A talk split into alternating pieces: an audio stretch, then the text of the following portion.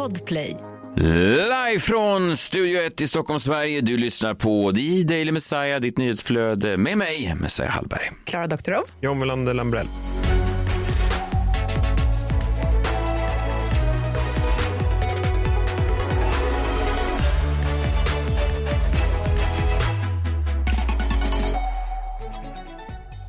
Otroligt ändå. Välkomna hit förresten ni som, som lyssnar som är med oss den här morgonen. Det är otroligt för vi har ju fått då efter ett års lång kamp, man skulle kunna skriva en bok om det här som heter egentligen Min kamp. Eh, men nu har Knausgård redan tagit det. Och Ja. Hitler, även om det är de två helt olika ing- ingångar. Tre olika kamper. Du vet att eh, Knausgårds bok fick inte heta Min kamp i Tyskland för det är tydligen väldigt känsligt. Nej, den fick inte. Ja, jag kan förstå det. Men i alla fall, jo, min kamp då består av att jag eh, ville ha in kameror i den här studion för det är så många podcasts idag som, som eh, kameran är ju en sån gångbar attiralj. Det är framtiden säger folk. Så att nu är vi nu filmade och det gör, jag ska inte ljuga, det gör att jag känner mig lite mer övervakad. Jag, jag tänker plötsligt på hur jag står, hur jag för mig och om ni bara lyssnar på det här ljudversion så påverkar det inte er. Men om ni tycker att jag låter ansträngd, hetsad och förföljd så är det för att jag liksom har en kamera rakt på mig. Det kan ju också vara att det sitter chefer någonstans och tittar nu. Det känns som att man är med i Big Brother ja. Ja, lite Ja. faktiskt. Det är liksom... Jag vågar inte gå på toaletten. För de har inte kameror på toaletten. Ja, det det, är inte lagligt. Ja, Nej, jag vet. Det var ju en chef som fick gå förra året på grund av det. Inte härifrån. Nej, inte just från den här podden, men på det här företaget så var det en kille som, jag ska inte stava hans namn, men det rimmar på och han, jo, jo, han satte upp små, små kameror. Det gjorde han inte. På damtoaletten. Det är, det är inte sant. God morgon, det är onsdag. Det är onsdag och igår så släppte, jag vet inte ens om vi får prata om Sveriges Radio här, skitsamma, det kan vi väl göra. Eh, De släppte då temat för Musikhjälpen i år. Musikhjälpen vet ni, det är ju det här fina engagemanget som de gör då, där de engagerar alla svenska artister, komiker, underhållare, estradörer, egentligen alla människor som någonsin har bott i Sverige, förutom det här upprör mig varje år och vi ska strax återkomma till temat som är viktigt, absolut. Men det som upprör mig varje år är att jag är då den enda svensken som aldrig någonsin har blivit inbjuden till eh, den där jävla insamlingsgrejen. Jag, för- alltså, jag har ändå på i 13 år. Jag har varit kanske ja, men, den bästa ståuppkomikern i det här landet, i alla fall säg fem år. Jag, de, har, de har inte ens ett samtal, alltså inte ens ett mail. Nej. Inte en, jag, jag, tycker så, jag tycker det är... Ja, till och med jag har ju varit med. Ja, men alla har varit med, Klara. Det är inget att skryta om. Alltså, rookie-komiker som står nere på Big Ben har varit med. Johan Glans frisör var med förra året. Det är liksom David Han har väl Batras- inte ens hår? Nej, vem har inte hår? Johan Glans. Johan Glans. Eller Han har hår. Vad ska han ha frisör för? Nu blandar du ihop Johan Glans och Mellan Betnér. Eh, Johan Glans har hår. Ja. Ja, ja, ja. Skitsamma, det är inte det viktiga. Det är inte det Sveriges Radio egentligen bryr. Men om jag skulle sk- fortsätta min kamp då från först kamerorna så är det att någon gång får... Det är så konstigt också för om man känner mig, John du har ju känt mig i 30 år, så vet du ju hur mycket jag bryr mig om eh, den lilla människan. Nej. Det Jag gör jag ju. skulle säga hur mycket jag bryr mig om att ha en kamera på mig. Okej, om du bryr dig om den lilla människan, hur ofta har du köpt Situation Stockholm? Vem? Hur mycket donerar du varje månad till eh, välgörande ändamål? Mm, jag, jag vet, 500 kronor till Unicef varje månad, räcker det? Ja, det är bra. Ja, det är bra. Det är bra, då Ja. blir jag en svar på tal. Ja, det hade jag. Strunt samma. Nu, eh, Musikhjälpen 2022. Eh, ja, lite reklam här kan de behöva, eh, Sveriges Radio. Då är temat barn som tvingas fly sina hem. Eh, barn, ja, för en tryggare barndom på flykt från krig är temat. Och jag tänker om, om de inte ringer mig så kanske man kan eh, ta in liksom, eh, bakdörren in. Får vi ställa upp med en, eh, för det går väl ut på det att man eh, som jag har förstått det när jag tittar på det med, med avsmak. Inte på teman tycker jag är bra, men jag blir så förbannad varje gång som Kodjo bjuder in en ny människa. Tänker man, det är inte bara Kodjo, det är inget fel på Kodjo, men det är så mycket som är fel i rutan. Och alla de här glada. Det är ju skitsamma. Om man då kan bara måla ut kanske en, ehm, att vi kan eh, annonsera ut något. Ja, alltså ha en det är Eller det så det någon heter? slags aktion. Ja. Så vi bidrar ju med att så här, ni kan få gå ut och äta middag med oss. Jag det har den vi. perfekta. Ta inte middagar med vanligt folk. Men, men jag kan tänka Nej, det mig... gjorde jag. Det var inte- Ja, Men man kan ju säga att det är in, inget vanligt folk får buda då. Då kan vi ha middag. Kan, kan, kan inte det stå i bjärt kontrast till just det här att man, man jobbar för tryggare barndom för barn på flykt och så bara, inget Jo, vanligt folk Det är inte det du jobbar för. Vi jobbar ju för att få synas i Musikhjälpen. Nej, det Jag jag förstår inte. Jag nu varför man inte blir inbjuden. Det var för ni är som ni är. Skitsamma. Men jag har, en, jag har den perfekta grejen. Så jag, ska, jag vet inte om någon lyssnar på det här som jobbar på det här företaget som jag är på. Men om någon eh, på det här företaget lyssnar på den här podden så slänger jag ut frågan här. Återkom till mig.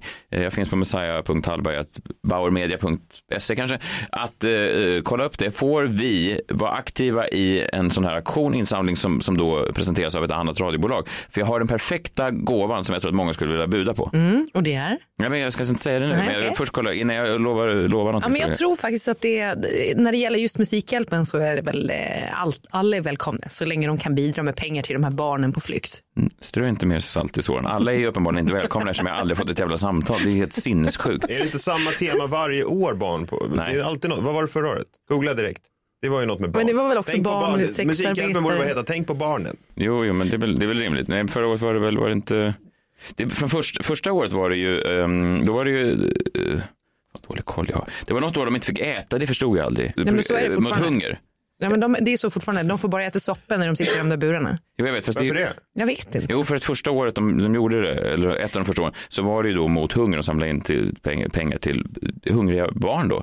Eh, och då skulle programledarna då, det är kanske inte så roligt, det var inte själva punchlinen John, men jag vet att. Tänk Eh, på barnen. jo, jag- De är hungriga och på flykt. Jo, det är de ju också. Då skulle programledarna också, de skulle då känna på hur det kändes i alla fall. Ja. En vecka i de här hungriga barnens liv. Sen var det ju då för sex eh, trafficking offer och sånt där något år. Förra året var det då för en värld utan barnarbete. För en värld utan barn hade ju varit eh, otippat. Ja. Ja, eh, kolla upp det. Jag tror att eh, framtiden kan vara det här med välgörenhet. Ja, ja absolut. Men varför, jag förstår inte varför du inte säger vad aktionen skulle Alltså om du pitchar in dig nu till Musikhjälpen, varför säger du inte vad aktionen skulle vara? Jan, om jag skulle säga nu vad aktionen skulle vara Ja, så är jag säker på att du kanske inte skulle dyka upp här igen. jag säger inte mer så. Två uppföljningar eh, då till någonting vi pratade om igår. Eh, Först tänkte jag prata om det här med eh, Bianca Ingrosso och hennes datingliv. Kommer du ihåg jag gjorde det här grävet om Aftonbladet-artikeln där hon blev intervjuad då av en reporter på Aftonbladet. 21 minuters tv-intervju som handlade om det här. Vem blir nästa kille? Så jag har tagit fram så här ett gäng yrken. Oj! Och tänkte höra om du Ja. på sannolikhetsskalan från ett, så här, ingen sannolikhet Okej. alls, till fem, absolut. Otroligt. Bedöma sannolikheten på nästa kille utifrån yrke då. Ja. Mm. Bianca Ingrosso skulle i den här intervjun med Aftonbladet bedöma då olika yrkesgrupper. Hur möjliga är de här? Hur stor är potentialen då att, att, att hon kommer bli ihop? Att, att det är hennes nya killar tillhör den här yrkesgruppen. I början var det lite kul, hon gav fem, fem, fem. Sen började hon då tappa lite konceptet tror jag, för hon svarade fem på saker som jag, jag vet inte, det lät så här till exempel. Servicepersonal. Folk som jobbar i butik, ja. servitör. Älskar ju dem. Älskar dem. Älskar dem. Fem. Ja, här kan man ju fråga, utvärderade yrket. ja mer, eller till exempel, Hemtjänstpersonal. Ja, ja. Alltså, kan du städa min lägenhet? Det är klappat och klart. Fem. Här undrar man ju om Bianca hade kanske frångått då premissen att, att hon skulle dejta de här människorna eller om hon bara menar det här är folk som jag kan ha användning för i mitt liv. för andra eh, yrkeskategorier som hon gav fem till det var Uber-chaufförer, Foodora-bud och yrkesgruppen butlers. Fem sa hon. Ja, men menar, är du säker på att hon har miss? Hon kanske vill dejta dem? Det är den godvilliga tolkningen. Jag väljer att ha den. Ja, vad bra. Jag skulle ifrågasätta lite grann. Jag skulle sätta frågan, skulle Bianca Ingrosso, hennes nästa eh, pojkvän, skulle det vara en sån liten eh, pakistansk man i en ill-lila väst som cyklar runt i stan med thairätter? Skulle det vara det? Ja, det, Det tror tror jag. du? Ja, det tror jag. Du tror inte? Du tror att hon, hon står redo hemma i sin enorma våning, redo för en dejt. Och så plingar, så tänker hon, vad är nu min lilla pojkvän? Och så plingar det på dörren och så säger han att det varit mycket på jobbet nu. Och så kommer han i den här, har ni sett de här buden, de här illila Ja, neonvästarna, rosa, ja. Ja, det är klart. Du tror inte hon skulle tycka det var avtändande? Men hur fan ska man veta det? Hon kanske tänder på de där äh, kläderna. En annan grej som vi pratade om igår var ju den nya Mario-filmen som har premiär nästa år. Framtidsmannen var här igår och eh, han pratade om att folk var upprörda. De har ju släppt en trailer, en väldigt rolig trailer, men då har de då gett Mario rösten av skådisen Chris Pratt. Så här eh, låter det i trailern. What is this place? Mushroom Kingdom, here we come! Mm. Och då är folk upprörda att han har inte den här klassiska Mario-rösten. Och när jag då tänkte igår eh, på den klassiska Mario-rösten så menar jag ju då den här som alltid är med i, i spelen. It's me, Mario! Ni vet den här. Hello! som italienare låter. Så.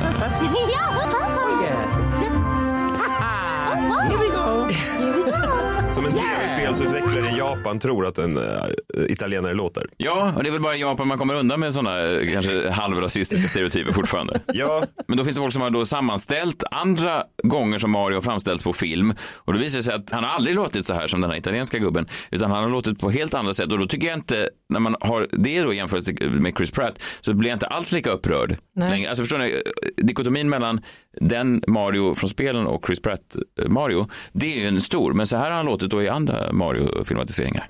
Hey, a place where pasta grows on trees is my kind of place. Yeah, yeah, Doc. Yeah, this is Mario. Yeah, your plan formula worked. Well, that's the problem. It worked too good. He's nice. Go talk to him. Go on. No, I can't. Come on. Go talk to him. What's the matter with you? What my brother is trying to say is he doesn't know what to say. Doesn't even know how to begin. But he has offered you a ride. And if it would help you out, please step into the van. Det här är det ju... låter ju nästan så här Det här är- Irish American. Ja, snarare än- jag tycker att det är Italien, Chicago, maffia.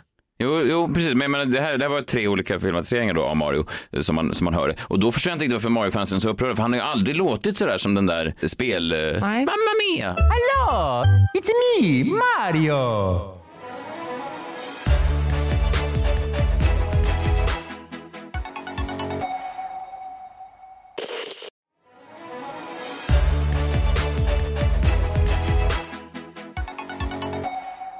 Inte har lyssnat på det avsnittet igår med Framtidsmannen. Framtidsmannen kom hit med framtidsspaningar och då sa John att jag har minsann varit i framtiden. Jag är en av dem som har varit i framtiden, inte bara du. Du hade då ätit 3D-printat kött 3D-printat låtsaskött. låtsaskött. Och, och när jag berättade det för min fru så, så var hon eh, häpen, alltså munnen var öppen. Hon, hon sa så här, "Vad- vad vad är det ens? Hon förstod inte ens. Hon är från Skåne så hon brukar se ut så ganska ofta.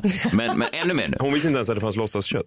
Nej, och det vet, visste jag knappt heller. Jag vet inte vad en 3D-printer är och så vidare. Då såg jag att någonting väcktes hos dig, Klara Ja. Hade du varit en seriefigur var det som att en glödlampa hade tänts. Verkligen. Eller som en, en tecknad film eh, med en sån varg, en seker varg, kommer du ihåg honom? Och så drömde han om kotletter eller någonting. Så var du, för du var ju nästan igång och började bo, försöka boka ett bord Ja, direkt. jag satt och bokade, eh, under tiden vi pratade så satt jag och bokade bord på den här restaurangen. Otroligt. Eh, och, du var där igår då? Jag var där igår. Otroligt. Du får eh, utvärdera det sen i, som jag förstår det, formen av ett öppet brev. Ja, så? Jag har ett öppet brev som kommer sen till John Wilander Lambrells smaklykar. Men förutom att äta kött så har du också fått en annan eh, uppgift John. Eh, jag, jag, jag gav dig en uppgift när du åkte till Spanien. Jag gav dig en uppgift att sammanställa saker som du inte tyckte om med staden Sevilla. Ja, du sa väl egentligen sju saker du hatar med Sevilla. För du vill inte höra att man, att man kommer hem och säger åh vad härligt det har varit i Sevilla. Så du Vet vill ju höra vet, vet, hatet. vet, ja, vet vad jag inte tycker om? Det, det är när så fort du antyder, så fort du antyder att du har liksom att, att, att när du landat i Sevilla att det är någon form av hemkomst i kosmos. Det är det som stressar mig. Att, att du säger saker som jag vet inte vad, jag kan inte sätta fingret på det, men det är liksom som att eh, människorna, det är som att, att det är ett lugn. Eh, Människorna, maten, färgerna. Ja. kan jag säga. Ja. Eh, ja, men nu har jag inte det. Nu har jag ju sju saker jag hatar med Sevilla. Kom närmare, kom närmare, var inte rädda. Allt kan hända, allt är möjligt när vi spelar på vår jombola. Varje dag vid den här tiden så drar han i den, han tar en lapp ur den och eh, ja, nu när vi filmar så måste han dessutom visa upp att lappen är på riktigt. Det också. Jag vill inte göra det jobbigt för dig, men du såg till exempel EM-lottningen i veckan här för Sverige, EM-kvallottningen för herrlaget. Då var det ju väldigt viktigt just det att man visade upp lappen och man visade upp alla bollarna för att annars tror folk att Annars det tror folk att Fifa är korrupta och så kan vi inte ha det. Nej, och vi vill inte tro att jombolan, att det spottar ut en massa korrupt skit, utan att det här går rätt till. Nej, men då drar jag lappen här. Då. Eh, sju saker jag hatar med Sevilla. Otroligt. Ja, det var ju ingen slump. Du bad mig göra den här listan då och egentligen skulle jag ha gjort den redan i måndags. Men jag hade lite svårt att komma på den sjunde grejen. Jag kom på sex grejer ganska snabbt men sen eh, dröjde det lite för den sjunde saken. Men nu har jag kommit på det. Det har tagit lite längre tid då men ehm, jag kom att tänka på först när du frågade mig det här. eh, Miley Cyrus låt Seven Things. Vi kan väl lyssna kort på den.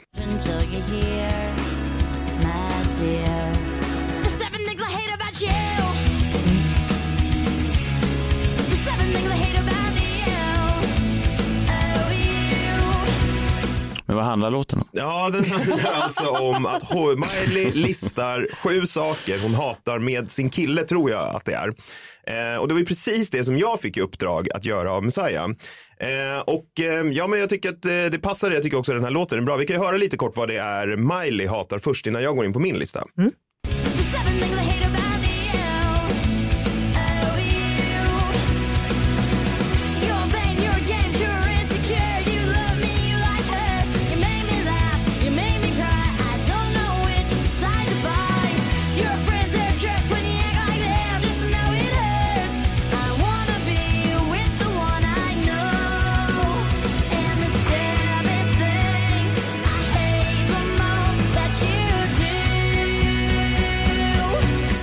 en liten cliffhanger där. Ja, mycket- Eh, vänta på den sjunde grejen. Ja, men mycket, mycket grejer. Ja, men det är sex grejer då som Miley hatar. Bland annat då att den här killen är fåfäng, han är osäker, han får en att gråta, Mm. eh, hans kompisar är jerks eh, och lite sånt där dåliga grejer helt enkelt. Eh, så här kommer de första sex grejerna jag hatar med Sevilla. Okej?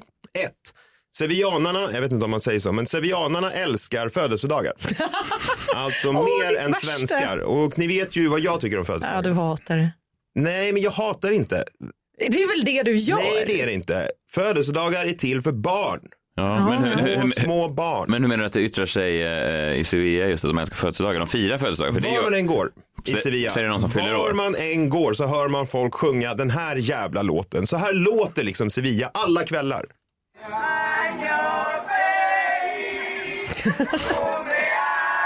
Har du spelat in det här på plats? Ja. Det är bara att sätta på inspe- ljudupptagning var som helst. Men det är ju ett Men, men du, har- lågmält vadå, du, helvete. du har hittat födelsedagsfirandets huvudstad? Alltså det, det är födelsedagar hela tiden. Fast det, fast det är det väl i alla städer? Det kan inte vara så att de fyller år. Åh, det är inte katter bara som bor i Sevilla. jag har aldrig hört några sjunga den här fruktansvärda låten liksom överallt i varje kvarter hela tiden. Det är som någon, som någon slags liksom, tortyr när man går runt där. Den här förbannade låten, Mufliano Feli eller vad de säger. Ja, det var första grejen. Eh, två, det är kött på allt, alltså även på vegetariska rätter. Eh, om jag tar in en gazpacho till exempel så får man ju alltid något kött på och det ska man ju inte få på en gazpacho. Nej. Sevillanerna använder alltså kött som strössel. Mm, lite bacon till exempel. Men ja, men exakt. Alltså, alla rätter ska då strösslas med kött eller ansjovis eller något sånt där skit. Liksom. Det hatar jag. Jag såg på den här um, restaurangen som du tipsade om, den här veganska. Jag förstår inte varför det måste vara vegansk. Måste vegetarianer alltid gå så långt? Börjar jag inte med. Nej, nej, men jag menar bara, för, för, för, på tal om bacon, då hade de någonting som de hette uh, fejkon, vilket är det äckligaste ord jag någonsin har hört. Det är som bacon fast fake. Ja, jag håller med. Varför ska det kallas för fejkon? Det är Nej, kan, du, kan, kan någon människa någonsin gå in på en restaurang uh, med heden i behåll och skriva, beställa fejkon tack? Det går ju inte. Nej, jag vet. Men det är, jag tycker i alla fall det är ännu värre när man beställer en vegetarisk rätt Ja. och får lite ströss, köttströssel över. Tredje grejen jag hatar med Sevilla. Jag hatar att hur gärna man än vill tro annorlunda så får Sevilla en alltid att inse att man blott är en simpel turist. Det är samma sak varje gång. Jag söker med ljus och lykta efter riktigt unika ställen. Barer, kaféer och sånt där. Alltså, som jag kanske får tips om av någon på plats där. Där det bara ska vara då locals. Alltså locals och jag. Eh, det ska min självbiografi heta. Locals och jag. Alltså inga turister. Och det slår aldrig fel. Alltså varje gång man står där och kanske tänker att nu är jag rätt. Nu är det bara jag och locals så släntrar det in någon jävel från Borås. Alltid någon jävel från Borås. Och man ser ju sig själv i honom eller henne. Alltså man tänker så här, jaha, här är en jävel från Borås. Och så tänker man, fuck, det är ju jag. Jag är blott, han tittar ju på mig och tänker exakt samma sak. Så man är blott en, en simpel turist. Och varför vill man inte vara en simpel turist då, kanske någon undrar? Jo, för att man ju missar hela staden då. Alltså om du åker till en stad och bara går på turistgrejer så har du inte varit i staden. Håller ni med? Nej, jag håller inte riktigt Ah, med. jag vet inte riktigt. Alltså, inte det lite så här, för ibland får man ju folk, så här, jag hade en norsk eh, komikervän som, som är i Stockholm ibland och brukar skriva till mig, så här, vad får jag inte missa? Ja, men precis. Då Ja, men vill okej. han ju ha locals och jag. Du, du säger Hötorgshallen då?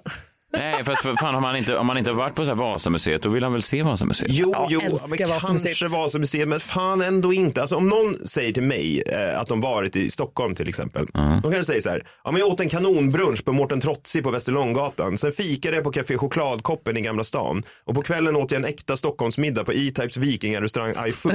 alltså om någon säger det, då tänker jag, du har ju varit i en annan stad än den stockholmarna är i. Ja, alltså, förstår ni vad jag verkligen. menar? Ja, jag- jag det där är du liksom. Det där Men- är inte Stockholm. Nej, ja. Nej, jag förstår vad du menar, men det är också det som hipsters alltid säger. Du dejtade ju en tjej förut som, som hade varit sju gånger i New York men aldrig på Manhattan. Då, då, då, då får jag varningsklockor av en annan gång.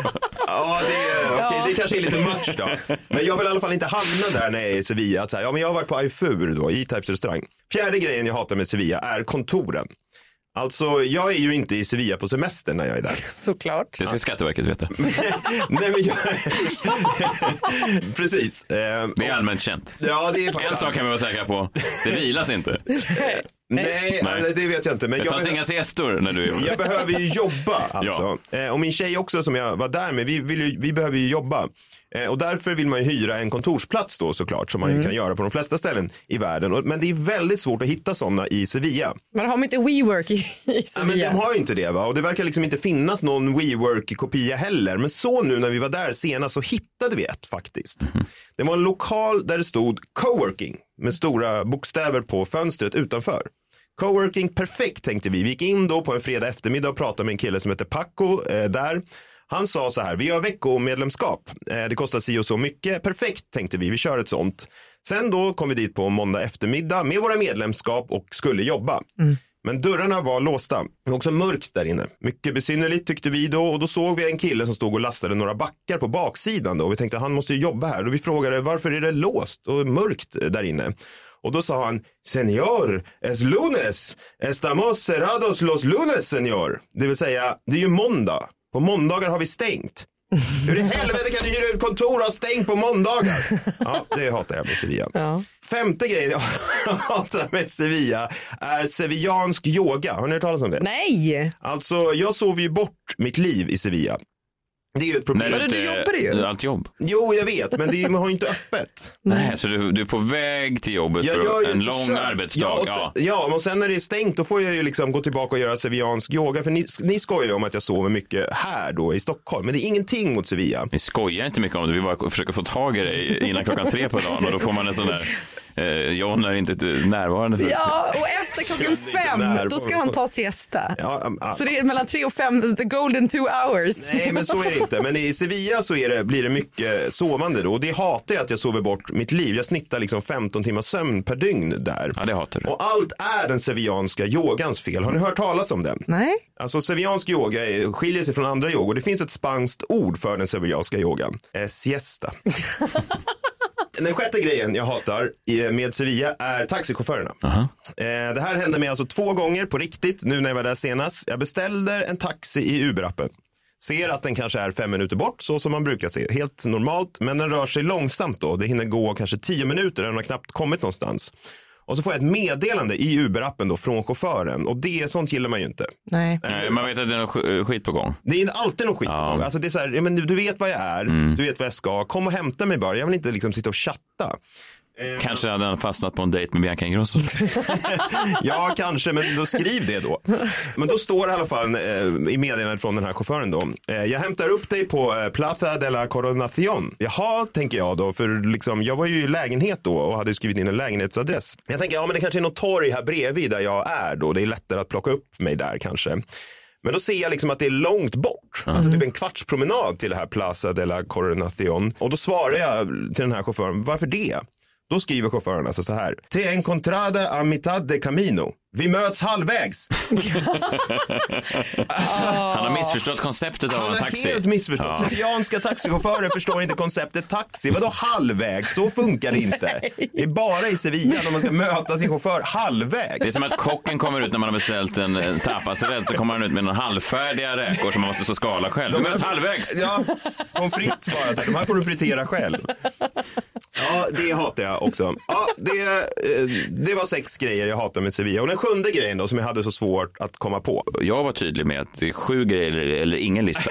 Nej, jag Du kom till mig efter några dagar sedan. Jag har hittat sex grejer, jag har hittat sex grejer. Och jag sa, vet du John, gå tillbaka och läs mejlet. Kommer du ihåg? Jag skickade upp mejlet så stod det eh, antecknade sju saker. Det var en väldigt specifik förfrågan från Ja, dig. det var det, men Lite så, är, så jobbar jag. Ja, men det var ju också därför jag kom att tänka på Miley Cyrus låt Seven Things som just handlar om det här att hon ska lista sju saker hon hatar med sin kille.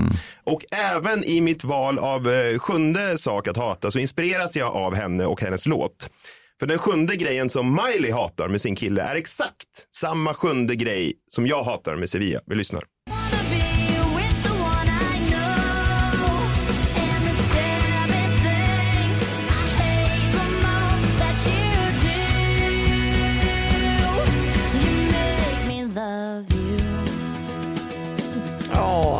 Fint. Ja, Du fick nästan tårar i ögonen ja jag fick gåshud nästan. är du så kär i Sevilla? Trots alla de här grejerna som är listat så älskar jag Sevilla mer än någon annan stad i världen. Och ja, precis som för Miley och hennes kille så är ju det ett problem. Ja. Ja. Fint. Fint. Också provocerande. Jag vet, hur kan, man älska, hur kan John av alla älska en stad så mycket som har köttströssel på allt och som har taxichaufför som, Som, är som verkar sätta käppar i hjulet för allt han vill ha ut av livet. Ja. Vegetarisk kost och få vila och, och Men det är låtsas det jag jobba. säger, det är det, det är det jag hatar mest med Sevilla. Att trots alla de här grejerna så får Sevilla mig att älska den. Jättefint avslut. Vi börjar fortfarande provocerande att- Jan också i sitt huvud går runt och tänker synd att de här grejerna sätter käppar i hjulet för jag älskar jag, jag känner mig så hemma här, själsligt. är vi sammanbundna? Är vi sammanflätade? Det är det du tänker. Helvete att utsätta mig för det här i en stad där jag äntligen har hittat hem. Ja, men allt är inte perfekt. Allt är inte perfekt. Nej. Man kan inte du- söka du- perfektion i sin partner och man kan inte heller göra det i sin stad. Mitt helvete på jorden. Det tror jag har en webbkamera på dig när du går runt längs gränderna i Sevilla och bara nickar till oförstående spanjorer. Ja, men också vet du vad ett, ett annat helvete skulle vara? Det är om du skulle följa med mig till Sevilla och jag skulle visa alla mina smultronställen. Nu räcker det.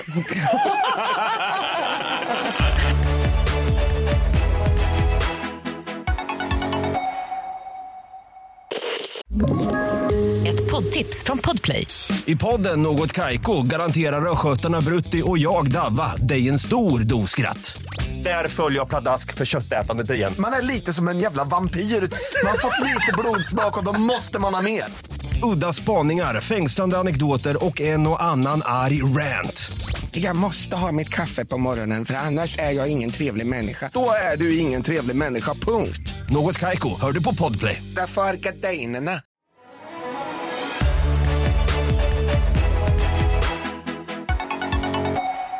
Strax eh, Klara Doktorov berättar om när hon åt kött, eh, men först ska jag berätta om någonting annat ganska köttigt.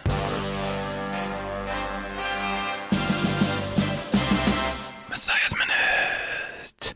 Bättre och bättre blir jag på de där övergångarna. Det är sömlöst, kommer jag ihåg att, att eh, Adam alltid lärde mig. Sömlösa övergångar är viktigt. Ja, förutom att Klara inte åt kött då. Men så var det bra. Kött och så köttigt, det är bara sömnlöst. Strunt samma. Jag var på gymnastiktävling i eh, helgen. Eh, Jaha, tävlar du själv Messiah? Du Nej, är visserligen väldigt inte. smidig, men, men är det så att du även tävlar då i, i Professionellt. professionell gymnastik? Nej, det gör jag faktiskt inte. Eh, Det är istället min, min dotter som är ja, strax eh, 15 år gammal. Som ja, hon är jätteduktig och eh, lång och stor. Hon är ju, kan hon vara, 1,77 eller något sånt där, så hon är liksom nästan vuxen. Mm. Eh, men hon tävlar då. Och det som är så sjukt med gymnastik, och det här skiljer sig då från alla andra sporter, det är att det är liksom det, det är någonting skevt som pågår i vad man förväntar sig, eller vad man ser framför sig och vad man förväntar sig och vad som sen sker när själva idrotten utövas. Alltså i, i fotboll så förstår du ungefär Alltså såklart att jag kan bli irriterad. Jag kommer ihåg när jag fyllde 38 förra året så var det någon som hade lagt upp en, en meme på internet. Eh, något, något klipp på en 38-åring som bytte sig in i Premier League och så sa kommentatorerna oh, he's 38, it's, it's a miracle. ja, så, såklart jag kan tycka att det känns som ett påhopp men jag kan också känna att jag fattar de andra killarna är liksom, vad fan är de, 21 år eller någonting och ja såklart att man då är, om man inte är Zlatan så är det ganska ovanligt eller Ronaldo att man, Ja. ja. Eh, I gymnastik då så är det liksom helt skevt. Det rimliga hade ju varit att de här supervältränade 14-15-åriga tjejerna hade liksom varit dominerande. Men när det är gymnastiktävling så kan de då möta folk som kommer in som ser ut som att de är åtta år gamla. För i gymnastik så är liksom åldersbegreppen är helt snedställda. Alltså världens bästa gymnaster, de är alltid typ åtta år gamla. Det är alltid så här, en åttaårig kines som tar OS-guld. Och man tänker så här, hur fan är det ens möjligt? För de var med i OS. Ja, det är det som är så sjukt för man ser om jag skulle gå fram till de här små lagen med åttaåriga fullblodsgymnaster och bara avslöja att tandfen inte fanns på riktigt skulle de ju börja gråta och springa hem. Skulle de lämna mästerskapet. Ja, men- de kan då samtidigt vara liksom gymnaster. På, en- det är nästan så att alltså om du ser en normal fullstor muskulös kvinna så är det liksom nästan en sämre gymnast än en liten knubbig åttaårig eh, bebis. Det är så jävla sjukt. En liten knubbig åttaårig bebis.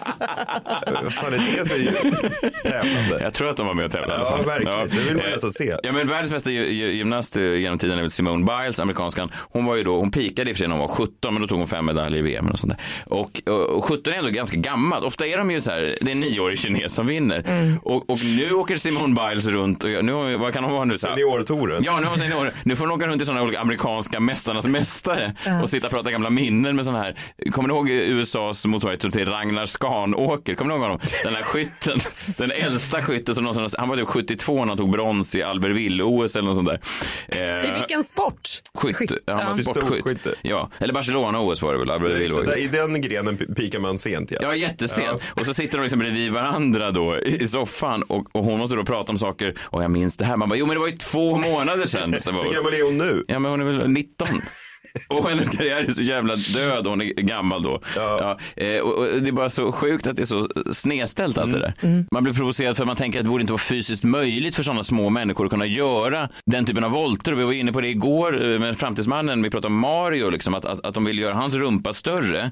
Och att vi då tänkte att det kanske kunde påverka hans volt, för han har ju sin supervapen då, en rumppuff.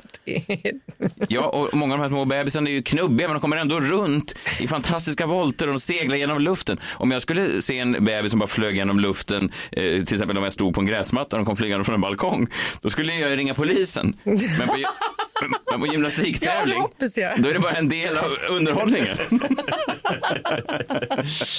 Ja. Då är det bara en del av underhållningen. Ja, jag förstår. Ja. Jag förstår. Spännande ändå. Jag vill följa med nästa gång blir gymnastik. Och jag tänker på att det är så sjukt också för min, min eh, dotter. Men hon vann ju inte guldmedaljer för det var ju de här bebisarna som vann guldmedaljerna. Det sjuka är bara att allt är snedställt om man jämför med alla andra sporter. Gymnastik är liksom den enda sporten där man kan sitta då på en tävling och sitta i kommentatorsbåset och säga nästa år kan jag sitta där och säga eh, plats på, på golvet nu, plats på mattan för Louise, eh, hon är 16 år gammal, det är ett mirakel.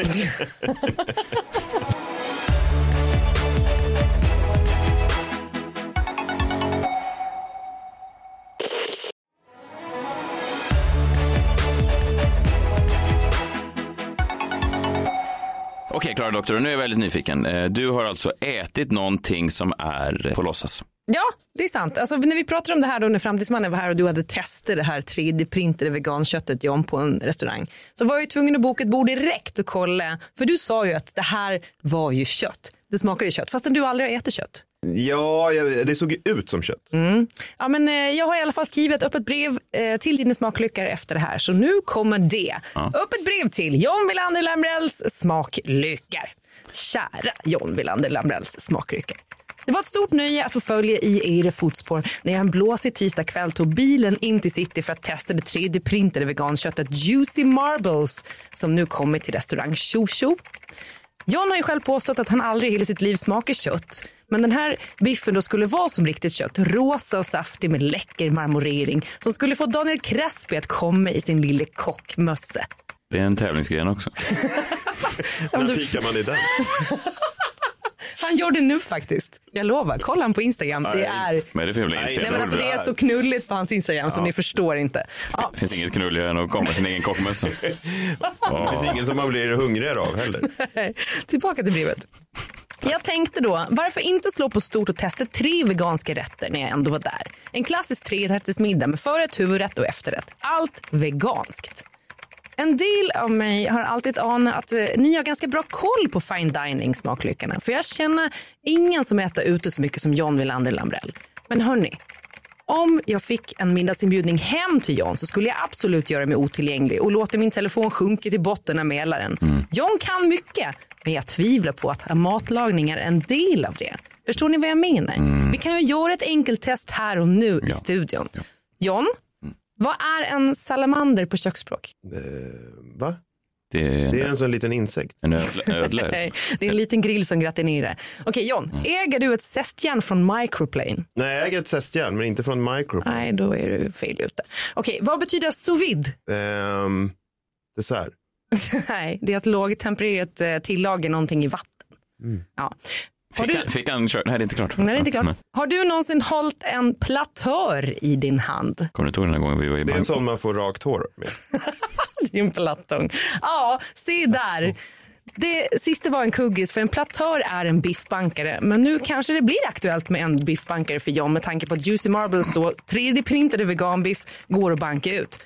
Jag kollade på tillverkarens hemsida och man får alltså betala hela 125 kronor per veganbiff. Och man måste köpa minst fyra stycken varje gång i ett fyra pack. Vilket förklarar det ganska saftiga priset på 350 kronor för en vegan steak fries på Shosho. Helt rimligt pris i och för sig på restaurang, men galet dyrt då för en labbkonstruerad låtsasbiff. Jag är också trött på att vegetarisk mat alltid ska vara så alltså, billigare än kötträtten. Det stör mig också. Nej, men jag det förstår. jag. Ja, ja, ja, det, kanske, det kanske är rimligt då.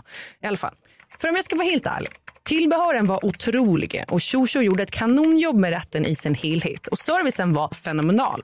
Det saknades bara en liten klick syndig bearnaisesås så skulle rätten vara fem av fem militante partyveganer. Det är du John. Men... Jag är inte militant.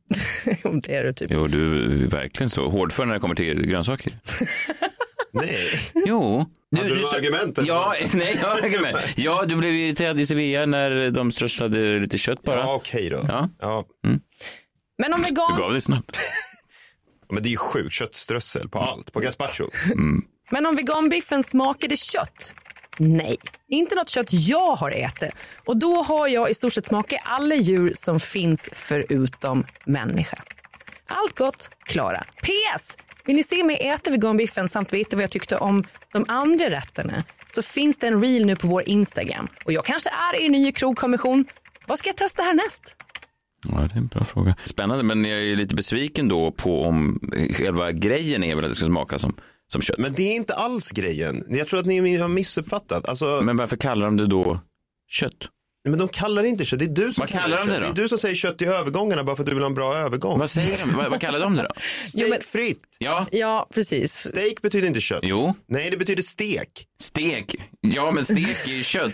Nej, inte nu. Stek. Jo, men du associerar stek med kött. Men nu när den här nya rätten finns så behöver man inte associera det med kött längre. Men Du jag, försöker Det få ser mig... precis ut som kött. Och det, man Men varför tror- Om man får tillbehören som man får till kött, det är det som är grejen. Ja. Så det, och det finns ingen tanke med att de ska ska försöka få det att verka som kött?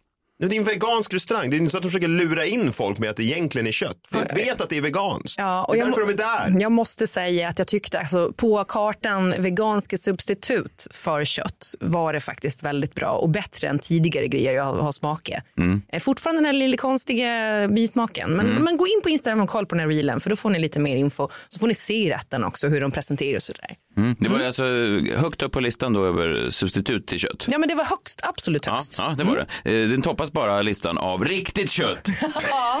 Av alla köttsubstitut. Det är så jävla fånigt.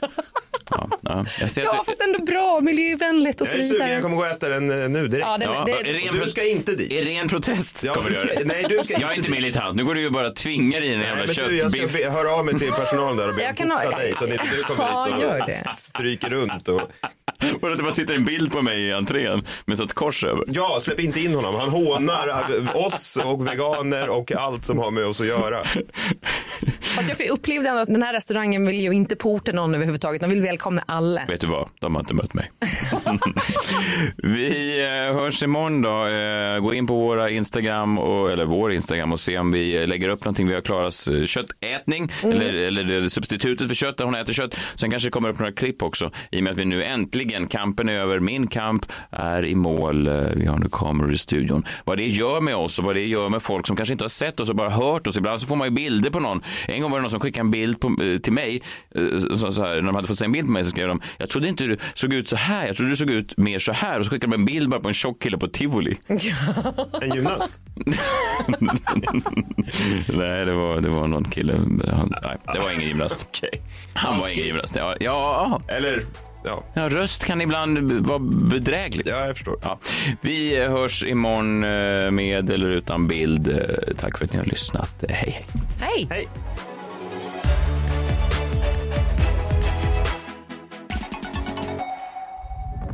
Podplay, en del av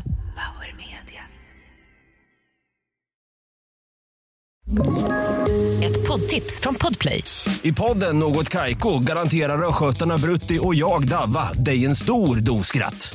Där följer jag pladask för köttätandet igen. Man är lite som en jävla vampyr. Man har fått lite blodsmak och då måste man ha mer. Udda spaningar, fängslande anekdoter och en och annan arg rant. Jag måste ha mitt kaffe på morgonen för annars är jag ingen trevlig människa. Då är du ingen trevlig människa, punkt. Något Kaiko, hör du på Podplay. Därför är gardinerna.